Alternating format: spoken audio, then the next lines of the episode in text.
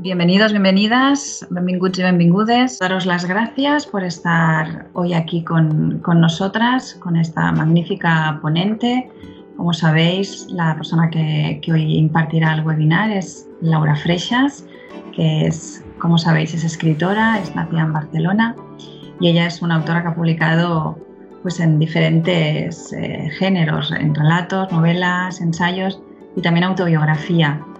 Laura Freixas ha sido editora, ha sido también crítica literaria, traductora, profesora invitada en varias universidades, sobre todo en Estados Unidos, y también una estudiosa y gran promotora de la literatura escrita por mujeres. En el año 2000 ya publicó el influyente ensayo Literatura y Mujeres y ha sido una de las fundadoras y la primera presidenta de la Asociación para la Igualdad de Género en la Cultura Clásicas y Modernas, una asociación que además es muy activa y que da mucho gusto seguirla por todas las cosas que, comparten y, y, producen. Sus conferencias sobre las mujeres y la cultura o sobre autoras como Virginia Woolf o Silvia Plath tienen muchísimas visualizaciones, miles, y son realmente sugerentes. Entre sus obras narrativas destacan la novela Los otros son más felices, que se reeditó en el año 19, los relatos de Cuentos a, los 40, que también ha sido reeditado, y varios volúmenes de su diario, Una vida subterránea, diario 1991-1994. También la obra Todos llevan máscaras, eh, eh, que es el diario entre el año 95 y 96. De manera más reciente se pueden destacar dos libros, A mí no me iba a pasar, que lo publicó en el año 19, y la autobiografía en forma de novela, Saber quién soy yo, que se corresponde al diario entre el año 97 y 99 y fue editado este mismo año.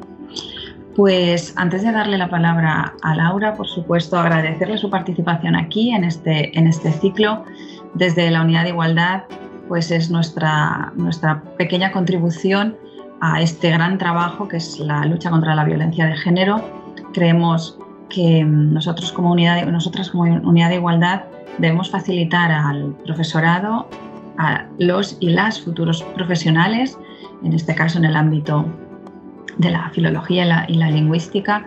eh, como futuros profesionales decía que tienen que trabajar para también erradicar la violencia de género y nada mejor que hacerlo desde el conocimiento de cómo se construye culturalmente también esta violencia. Y nos pareció que Laura pues era una persona magnífica para formar parte de nuestro ciclo. Así que sin más, muchísimas gracias y es tu turno. Hola, buenos días. Ante todo, bueno, muchas gracias Inma, muchas gracias a la Unidad de Igualdad de la Universidad Rovira y Virgili por invitarme a participar en este ciclo y sobre todo por organizar este ciclo porque la violencia contra las mujeres es un problema que es endémico y del que solo hace unos años que somos realmente conscientes. No es solamente un problema legal, judicial y penal, no es solamente algo que concierna a las agresiones físicas, materiales, sino que eh, surge de todo un caldo de cultivo eh, cultural, ideológico, eh, bajo distintas formas y es muy importante examinarlo y entenderlo porque sin entender las eh, causas es difícil que entendamos por qué se producen las consecuencias y un abordaje puramente punitivo de la violencia creo que se está demostrando ineficaz. Entonces yo voy a hablar de cómo la cultura presenta esta violencia contra las mujeres. Eh, creo que se puede decir, mm, primero yo decía que era una cultura que legitimaba o naturalizaba esta violencia, pero ahora ya digo eh, abiertamente que la celebra y voy a intentar mostrarlo con una serie de imágenes. Voy a hablar de lo siguiente. Primero, cómo la cultura dominante presenta lo que es previo a la violencia de los hombres contra las mujeres, que es eh, cómo presenta al hombre poderoso y violento y qué ideal de mujer le corresponde. Entonces hablaré de toda esta cultura dominante patriarcal y luego en una segunda parte explicaré cuál ha sido la respuesta de las mujeres en el mundo de la cultura frente al tema de la violencia. Lo primero de lo que tenemos que partir es del hecho de que eh, el imaginario patriarcal nos presenta figuras masculinas poderosas como modelos positivos, empezando naturalmente por Dios o por los dioses. Esto no, siempre ha sido así porque hay unas eh, anteriores mm, culturas paganas donde había diosas y dioses, pero en el monoteísmo eh, todo el, sistema de creencias está centrado en una figura masculina que es poderosa, pero que además de ser poderosa puede ser violenta. Es decir, eso caracteriza a los dioses, el poder de hacer el mal, eh, el poder de usar la violencia y por eso, dicho sea entre paréntesis, la Virgen María no, es, no se puede considerar una diosa porque los dioses y las antiguas diosas se caracterizan por este poder de ejercer la violencia. Ya la divinización de una figura masculina ya es un punto en el que se puede eh, apoyar y se apoya el poder de los hombres, el que se sientan legitimados para ejercer ese poder, porque como dice la teóloga feminista Mary Daly, si Dios es hombre, el hombre es Dios. Esa idealización del hombre poderoso y violento está mm, por todas partes en la cultura y me interesa subrayar que no es solamente algo limitado a aquellos hombres que con su acción tienen un efecto benéfico sobre la sociedad, aunque podríamos discutir si realmente es benéfico el efecto de, que tiene pues, un dirigente militar como Napoleón, sino que cualquier hombre violento, sea cual sea la finalidad de su violencia, puede ser y muchas veces es idealizado por esta cultura como lo vemos pues, en las películas de James Bond o en películas o series como Narcos, como Invicto, que le dan un protagonismo, pero el mero hecho de que se les considere protagonistas de una película, que se ponga su cara en los carteles, que los encarnen em, actores mm, atractivos y bien pagados, ya es una manera de idealizarlos y de alguna manera celebrar sus acciones. Sí que hay representaciones negativas de figuras masculinas eh, poderosas y violentas, pero yo creo que son la excepción. En todo caso, el hecho en sí, digamos, de que un hombre sea poderoso y violento con fines negativos, ese hecho en sí no basta para que la cultura, digamos, le censure. ¿Qué pasa con el equivalente femenino, con las mujeres poderosas? Pues pasa todo lo contrario. La cultura nos presenta siempre, esta es realmente una característica para mí muy llamativa de la cultura dominante, que es una cultura patriarcal, eh, y es que siempre presenta a las mujeres poderosas y no digamos violentas, pero incluso mm, simplemente mujeres poderosas en el pequeño ámbito de la familia y sin violencia, como puede ser la figura de la madrastra, siempre nos las presenta de una forma negativa. Aquí tenemos, por ejemplo, bueno, la madrastra de Blancanieves eh, o una eh, representación de Medea, esta figura de la tragedia griega, este personaje que por celos mata a sus hijos. Entre paréntesis me diréis, bien, eh, que una madre mate a sus hijos es motivo suficiente como para que la cultura la presente como un monstruo, pero sin embargo recordaré que eh, la mitología, la historia, la historia sagrada nos presentan a varios personajes de hombres que han hecho lo mismo, sacrificar a sus hijos, y nos lo presenta como heroicos. Desde eh, Abraham, mm, aceptando el mandato divino, el mandato de Yahvé, de sacrificar a su hijo Isaac, aunque finalmente Yahvé lo impide, pero, pero el hecho de que eh, estuviera dispuesto a sacrificar a su hijo era visto como algo positivo, hasta Agamenón eh, sacrificando a su hija Ifigenia para pedirle a los dioses vientos favorables para Troya, hasta Guzmán el Bueno o hasta el coronel Moscardó, héroe del Alcázar de Toledo, que cuando el Alcázar de, Toledo está asediado eh, y las tropas republicanas le dicen tenemos aquí a su hijo y si usted no se rinde lo vamos a fusilar, pues dice que lo fusilen. Las eh, mujeres poderosas son presentadas de manera negativa, de distintas, bajo distintas formas, pero siempre negativa. Por ejemplo, rara vez se nos presenta a las reinas como personajes sabios y benéficos, más bien se busca o se subraya Em, las vidas desgraciadas, la locura, eh, como aquí en el caso de Juana la Loca, en una pintura del, siglo XIX. Eh, luego veremos otros ejemplos con las reinas suicidas como Dido o Cleopatra. Son muchos los argumentos de em, películas, obras de teatro, eh, novelas, em, etcétera, etcétera, que nos presentan a mujeres poderosas como un factor de caos y de, trastorno eh, familiar y social, como personas que han obtenido su poder por medios inconfesables. Ahora me estoy acordando de aquella película Blancanieves, el papel el de Maribel Verdú, o sea, son unas manipuladoras, si tienen poder, es un poder ilegítimo y vete a saber cómo lo han conseguido, bueno, normalmente se piensa que lo han conseguido a través de la cama, y que ejerzan ese poder siempre crea el caos a su alrededor. Y es muy frecuente el argumento de eh, una mujer tiene poder, crea el caos, o en fin, tiene consecuencias nefastas y el argumento de la película o de lo que sea consiste en que finalmente esta mujer es de alguna manera anulada, o sea, ya, ya sea por la muerte o ya sea casándola o de, alguna manera que eh, implica que el poder de las mujeres crea desorden y que la vuelta al orden se hace anulando ese poder. Y por último, también a las mujeres poderosas se las presenta como ridículas. Eh, se ridiculiza, por ejemplo, a Margaret Thatcher golpeando a sus oponentes políticos con el bolso, o en la literatura infantil o los cómics eh, o tebeos infantiles, cuando aparece una mujer poderosa, como es la esposa del jefe en Asterix, que bueno, yo crecí leyendo Tintín, Asterix, Los Pitufos, etcétera, pues esa mujer poderosa es un personaje ridículo que espera al marido detrás de la puerta, el pobre marido que viene, pues en fin, muy contento y cantando y borracho, y la mujer le está esperando con el rodillo de amasar para, para golpearle. Es decir, se, ridiculiza, como digo, a la mujer que tiene algún poder o que intenta tenerlo o ejercerlo. Eh, y mi último, creo que es mi último ejemplo, eh, es de una serie que quizá habéis visto, Merlí, donde tenemos en una de sus temporadas, creo que la segunda, un personaje de mujer poderosa es poderosa, bueno, pues al modesto nivel del instituto, pero es la directora del instituto y no solo es un personaje odioso, con lo cual, a ver, yo creo que para que las mujeres accedamos al poder en un sentido muy amplio, que implica, pues, por ejemplo, aunque solo sea directoras de instituto, ¿no? Es una forma de, de poder. Creo que tenemos un obstáculo interno psicológico del que no somos muy conscientes en general,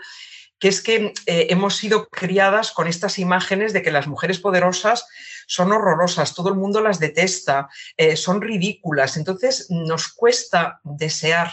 estar en ese lugar porque inconscientemente lo asociamos a todo eso. Y bueno, como quizás recordaréis si habéis visto la serie, la directora del instituto en Merlí es una mujer, como digo, muy antipática y muy odiosa y durante la serie muere pero no les basta a los guionistas con matarla, la tienen que matar de una forma ridícula. Eh, ¿Cómo muere? Le cae encima en la cabeza la cisterna de un váter. Me pareció ya el ejemplo máximo de esta inquina, de este odio, de este resentimiento de la cultura patriarcal contra las mujeres poderosas eh, y sabias.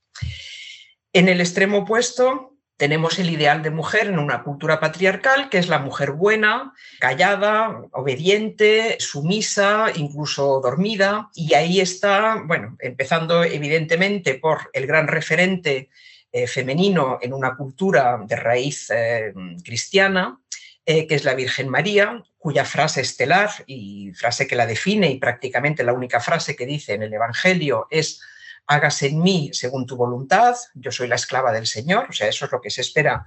de las mujeres. Si tenéis curiosidad, hay un libro de Marina Warner, una autora británica, sobre cómo se construye la figura de la Virgen María históricamente, que se titula Tú sola entre las mujeres. Es un libro denso, pero vamos, muy interesante. Y mm, se multiplican esas figuras de mujeres eh, calladas, obedientes, eh, bueno, aquí no, no, lo tengo, pero a veces cuando hablo del mandato eh, patriarcal de silencio dirigido a las mujeres, pues recuerdo desde mm, la orden que les da San Pablo, ¿no? Las mujeres callen en la iglesia y si algo no entienden, que lo pregunten en casa a sus maridos, hasta una canción de un rockero o lo que sea llamado Kevin Roldán, que se llama Quiero una mujer, no, se llama La Muda, y su estribillo es Quiero una mujer que no diga nada. Es decir, que es muy llamativo cuando empiezas a estudiar la cultura, a mirar a tu alrededor, esta unanimidad en los mensajes, desde eh, las películas infantiles de Disney hasta los evangelios, pasando por, eh, como digo, un rockero o pasando por Telémaco eh, al final de la Odisea diciéndole a su madre que se calle, que ya negociará él con los pretendientes. Esto lo recuerda Mary Bird en un librito titulado Mujer y Poder, que es muy ameno, muy ágil y que os recomiendo. Hemos visto cómo eh, la cultura dominante representa positivamente a los hombres poderosos, negativamente a las mujeres poderosas, positivamente a las mujeres sumisas y voy ahora con cómo esta cultura representa específicamente la violencia contra las mujeres y ya veréis por qué yo digo que la celebra. Esta eh, justificación o celebración de la violencia contra las mujeres tiene como varias caras. Una es presentar esta violencia como algo muy bello, no mostrando la violencia, sino, eh, digamos, idealizándola y asociándola pues, a, bueno, a, la belleza y, de alguna manera al placer. Lo vemos, por ejemplo, en las imágenes de, moda, los anuncios, la publicidad de ropa, eh, se asocian muchas veces a unos contextos y unas poses que nos hacen pensar en violación, asesinato, muerte por sobredosis o suicidio. Es decir, la mujer víctima de violencia, ya sea una violencia autoinfligida o una violencia ajena, es idealizada y presentada como mm, bella, elegante y deseable como lo hace, por ejemplo, el diseñador David Delfín en este desfile que a mí me pareció realmente infame, donde presenta, era la época de Abu Ghraib, ¿os acordáis? Eh, en fin, de las torturas en Irak. Entonces nos presenta una mujer que obviamente va a ser ahorcada Em, llevando una especie de vestido pues muy elegante, muy glamuroso y supongo que encima muy caro y eh, medio desnuda, como que bueno, el colmo de la belleza, elegancia y de lo sexy eh, es mm, que a la mujer la, estén torturando, ¿no? Es decir, que, que se crea un imaginario en el cual la violencia contra las mujeres es algo excitante. Luego hay una subnarrativa eh, muy frecuente, que es presentar la violencia como una manifestación del amor de un hombre hacia una mujer, una manifestación un poco torpe, pero, mm, pero manifestación de amor. Eh, se ve, por ejemplo, en este poema de Neruda, eh, del que leo algunos extractos, Soy el tigre, te acecho entre las hojas, entonces dice, bueno, pues ella se baña desnuda y él dice, entonces en un salto de fuego, sangre, dientes, de un zarpazo derribo tu pecho, tus caderas. Y después, cuando ella está muerta, él dice, inmóvil en la lluvia, centinela implacable de mi amor asesino. ¿no? Eh, por supuesto, mm, Pablo Neruda o quien sea tiene derecho a, fin, a, escribir lo que quiera, pero mm, nosotras y nosotros que lo leemos también tenemos derecho a replicar. Y mi réplica es que esto eh, fomenta la idea de que eh,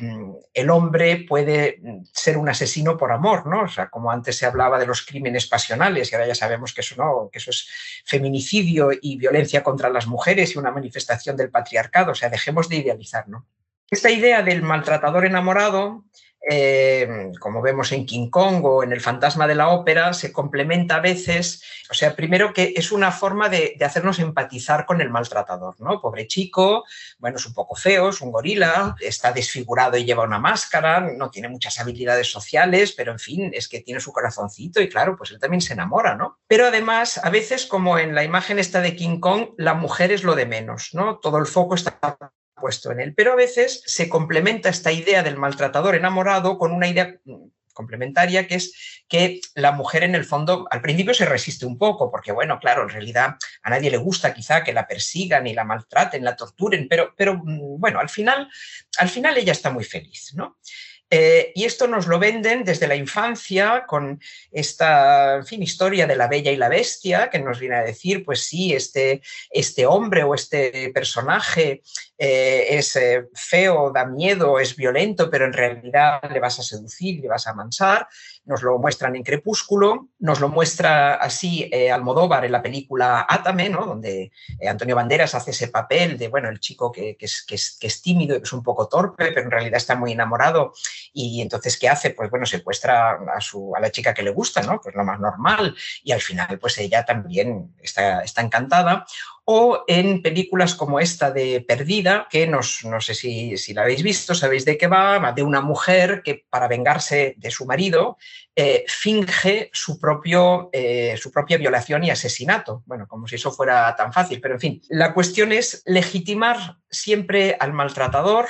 y em, presentarnos a la víctima o bien como una mujer que al final se somete y entonces es feliz, o bien como una malvada manipuladora. Y otra faceta de la justificación de la violencia es eh, presentándola de una forma humorística. Esto se desarrolló mucho eh, en la época del sufragismo, o sea, una respuesta en particular en la sociedad británica contra el sufragismo fue el ridiculizar a las sufragistas, eh, como en estos carteles, en, este, en el que vemos a la mujer eh, con un candado en la boca, lo que pone es paz por fin, o sea, por fin se van a callar, claro, porque ya recordé antes ese mandato patriarcal de silencio a las mujeres, ¿no? Las mujeres en la iglesia callen, dice San Pablo. Y hay una gran hostilidad hacia las mujeres que hablan, se ridiculiza a la mujer charlatana, no se ridiculiza al hombre charlatán, hay una hostilidad hacia las mujeres cultas. Lo vemos también en otros contextos, por ejemplo, en este eh, ritual, yo no sé, en fin, no veo nunca deportes, pero creo que se sigue haciendo, en que el ganador eh, descorcha una botella de champán y se, la arroja, le, le, arroja la espuma a una modelo. Esto es una situación absolutamente humillante, donde él es un ídolo, es presentado como un ídolo y ella es absolutamente anónima, es intercambiable, no es más que un cuerpo bonito. Y su función, la función de esta mujer, es someterse a esta situación humillante y violenta y además hacerlo con una sonrisa. Además, bueno, me da mucha pena porque veo que ella intenta sonreír, pero no le sale porque obviamente es una situación eh, muy desagradable, pero esto se banaliza y luego, eh, o sea, esta banalización de la violencia contra las mujeres mm, se extiende en la sociedad, ¿no? O sea, la violencia contra las mujeres, bueno, no es tan grave, hay que reírse un poco. Eh, o Almodóvar, eh, no sé cómo alguna vez pensamos que Almodóvar era feminista, tiene una película, Kika, en la cual hay una violación que se presenta como algo muy divertido. No sé qué pasa luego porque yo en ese momento me levanté y salí. Eh, otro ejemplo de la presentación humorística de la violencia es esta eh, anécdota, esta escena de no sé qué televisión, creo que andaluza, donde eh, un humorista sacó unas tijeras y le cortó el vestido a su compañera de plato. Dicen que fue algo acordado entre ellos, pues, en fin, para como un gag para hacerle gracia a la audiencia. A mí no me importa que ella estuviera de acuerdo, lo que me preocupa es que esto, esta, esta escena de,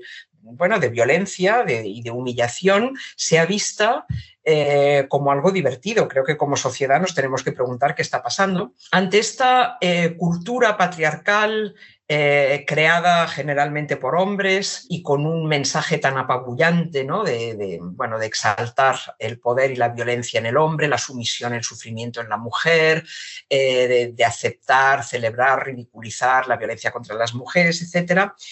cuál ha sido o está siendo la eh, reacción, la versión de las mujeres creadoras de cultura. Con todos los matices que se quiera y teniendo en cuenta que eh, quien crea no crea de una forma aislada, o sea, no estamos solos en el mundo ni solas eh, en el mundo, y cuando creamos Em, nos dirigimos a un público, necesitamos pasar, pues por ejemplo en el caso de, una escritora, necesitamos pasar por las editoriales, eh, nos enfrentamos a la crítica literaria, eh, una pintora necesita quien compre eh, sus cuadros para poder vivir y para poder seguir pintando, etcétera. Es decir, que creo que las mujeres no somos, bueno, nadie lo es, completamente libres en nuestra creación y las mujeres menos en un sistema donde ellas son minoritarias y durante además muchos años han sido excluidas de las academias y de los cenáculos y de los lugares de poder, etcétera, etcétera. Pero aún así, con todas estas salvedades, sí que vemos en la creación literaria, iconográfica, cinematográfica, etcétera, de mujeres, algo que francamente no vemos, yo no lo veo, en la creación hecha por hombres, que es una visión crítica o incluso una denuncia eh, de esa violencia contra las mujeres. Vemos aquí, por ejemplo, eh, dos versiones de Susana y los viejos, esa historia bíblica eh, que cuenta que una bella joven eh, se baña desnuda creyendo que está sola, pero en realidad hay dos viejos que la están espiando y que la chantajean diciendo o te acuestas con nosotros o le vamos a decir a tu marido que te has acostado con nosotros. Entonces vemos la versión de Tintoretto donde el énfasis se pone en lo bella y deseable que es esta mujer y los viejos pues parecen bastante benignos, y vemos la versión de una pintora, Artemisia Gentileschi, donde sí que se eh, transmite la, violencia y el, desagrado eh, que produce esta escena, ¿no? O sea, se, se ve esa agresión y se ve cómo ella se intenta defender. En literatura también tenemos eh, mujeres que, contrariamente a lo que hace Neruda, que es que idealiza eh, esta violencia contra las mujeres, eh, la denuncian. Por ejemplo, Carolina Coronado, una poeta española extremeña del siglo XIX, que tiene un poema titulado El marido verdugo, donde cuenta una situación de maltrato y dice, ella, la, la esposa, os dirá que a veces siente el cuello por sus manos de bronce atarazado y a veces el finísimo cabello por las garras del héroe arrebatado. Lo de héroe, evidentemente, es irónico.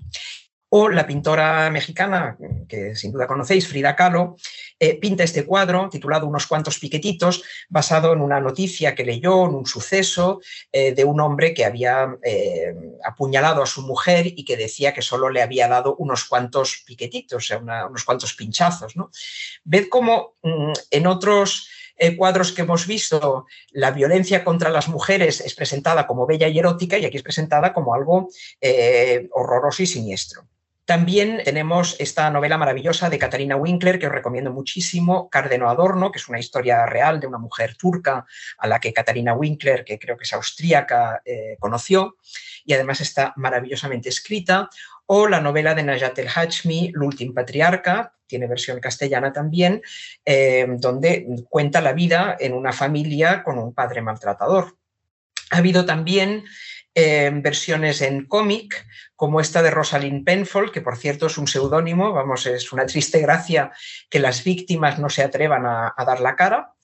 Eh, y cuenta pues una historia de una pareja que empieza de forma muy amorosa y termina como podemos ver, o estas otras, La muñequita de papá, sobre una relación incestuosa, o Cuéntalo, sobre una relación de maltrato, o la estupenda película de Iciar Boyaín,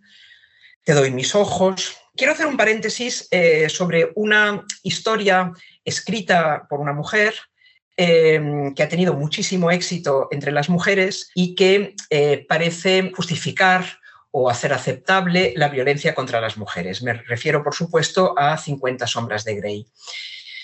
Yo la verdad es que no he tenido la paciencia de leer el libro, la trilogía o lo que sea, pero sí fui a ver la película por curiosidad. Son libros que, em, digamos, detectan que hay un problema social y le dan una solución imaginaria. Por ejemplo, recordad, si sois estudiantes de filología, todas esas comedias del siglo de oro, bueno, en Francia, en España, supongo que en otros países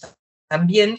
que nos presentan la siguiente situación. Eh, un chico y una chica se quieren, pero el uno es rico y noble y el otro es un criado o una criada y por lo tanto no se pueden casar. Entonces pasan una serie de peripecias y al final, milagrosamente resulta que el que parecía un criado es en realidad el hijo de un noble y ese noble al morir le ha reconocido, le ha dado un título, eh, una fortuna, o sea que ahora es duque y riquísimo, entonces se pueden casar. Bueno, esto eh, detecta un problema real, que es la, rebeldía de los jóvenes ante, ante los matrimonios impuestos, eh, y le da una solución de cuento de hadas. Pues bueno, 50 sombras de Grey hace lo mismo. Detecta un problema real, que es el problema, yo creo, de, en fin, de todas nosotras,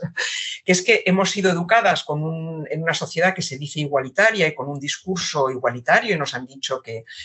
bueno, que teníamos las mismas posibilidades eh, que un hombre de ser ricas, poderosas y famosas, pero miramos alrededor, como hace esta chica eh, cuando llega a la empresa del famoso Grey, y ella lo que ve eh, es que todos los que mandan son hombres y que el papel de las mujeres en la empresa esa es que eh, hay unas cuantas chicas esculturales vestidas de azafatas sirviendo a los hombres.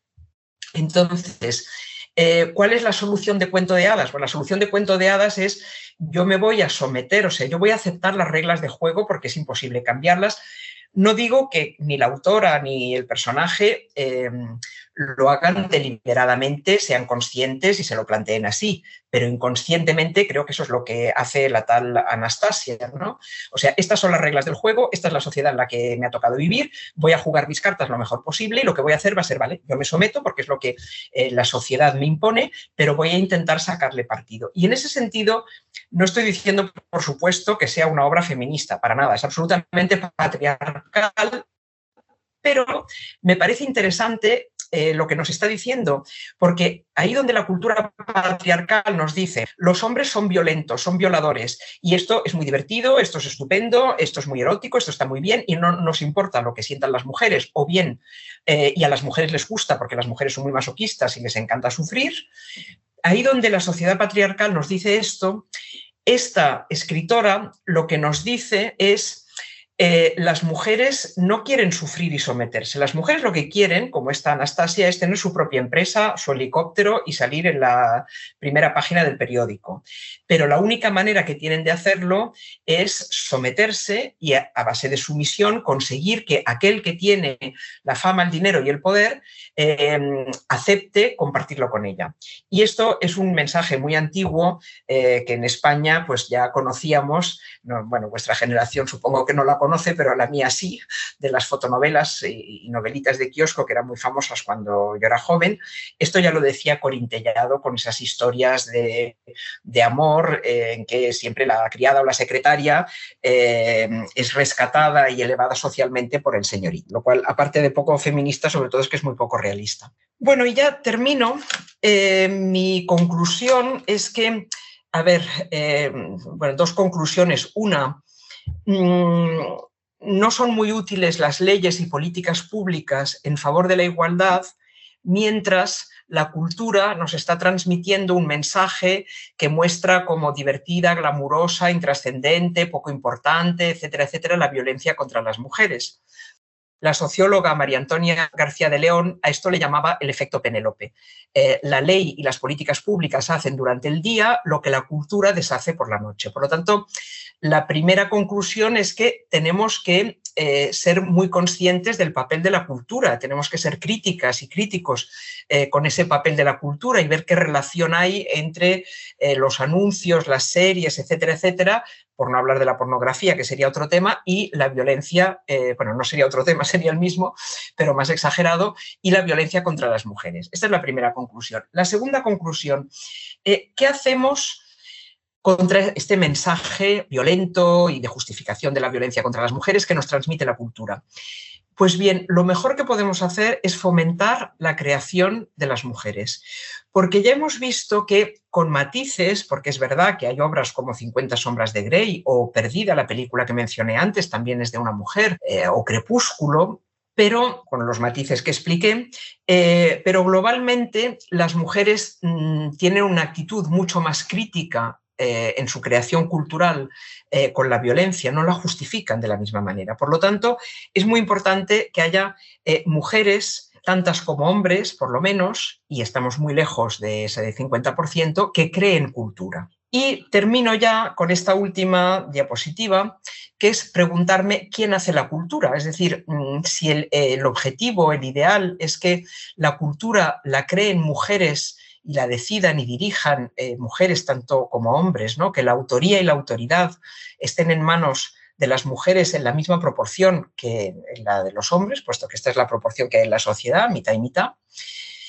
Em, ¿Cuál es la situación? Bien, mm, hasta hace muy poco las mujeres estuvieron relativamente excluidas de la creación cultural porque estaban excluidas de la educación. Entonces, este eh, obstáculo que tenían las mujeres para acceder a la creación cultural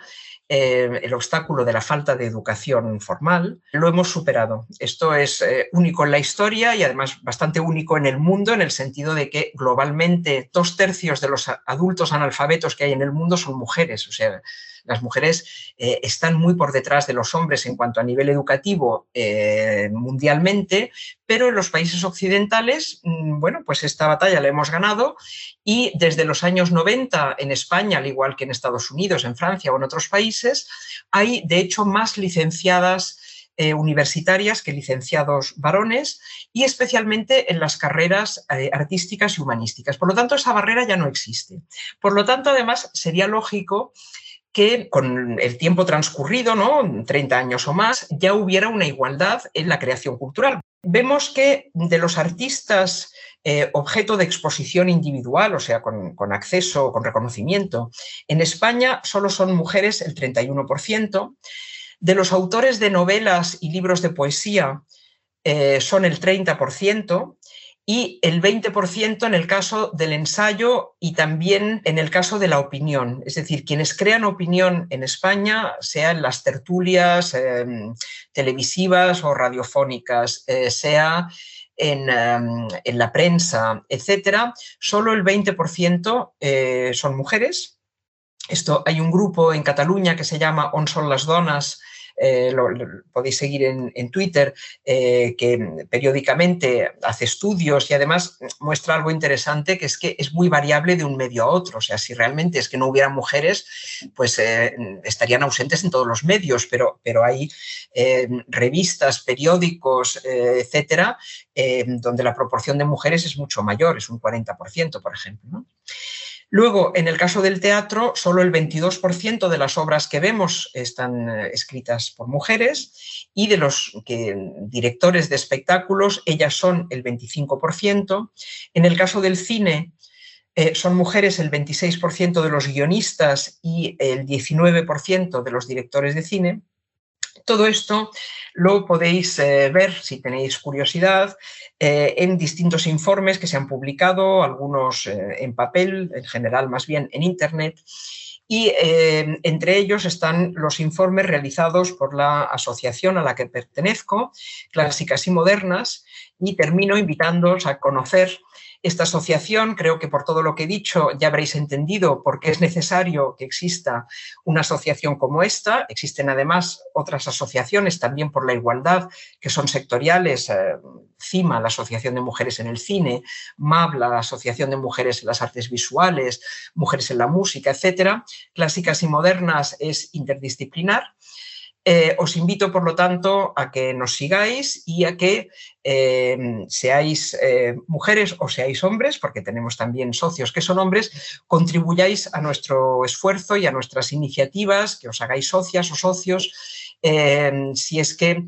he conseguido convenceros de la importancia que tiene la cultura en la prevención de la violencia contra las mujeres. Muchas gracias. Gracias a ti, Laura, por tu presentación. A nosotras desde la Unidad de Igualdad nos parecía muy relevante ¿no? que se abordara el fenómeno de la violencia contra las mujeres desde todas las disciplinas. Como tú bien has dicho, no solo una mirada jurídica va a poner fin a la, a la violencia contra las mujeres, necesitamos pues, un trabajo colectivo, pacto de Estado, de alguna manera pues, eh, representa este consenso político ¿no? de que hay que trabajar contra la violencia y nosotras desde la universidad pues, asumimos nuestra responsabilidad en tanto que formadores de los futuros y las futuras profesionales de todas las disciplinas. Pues nada, eh, lo dejamos aquí. Muchísimas gracias, Laura. Y gracias a vosotras. Hasta otra.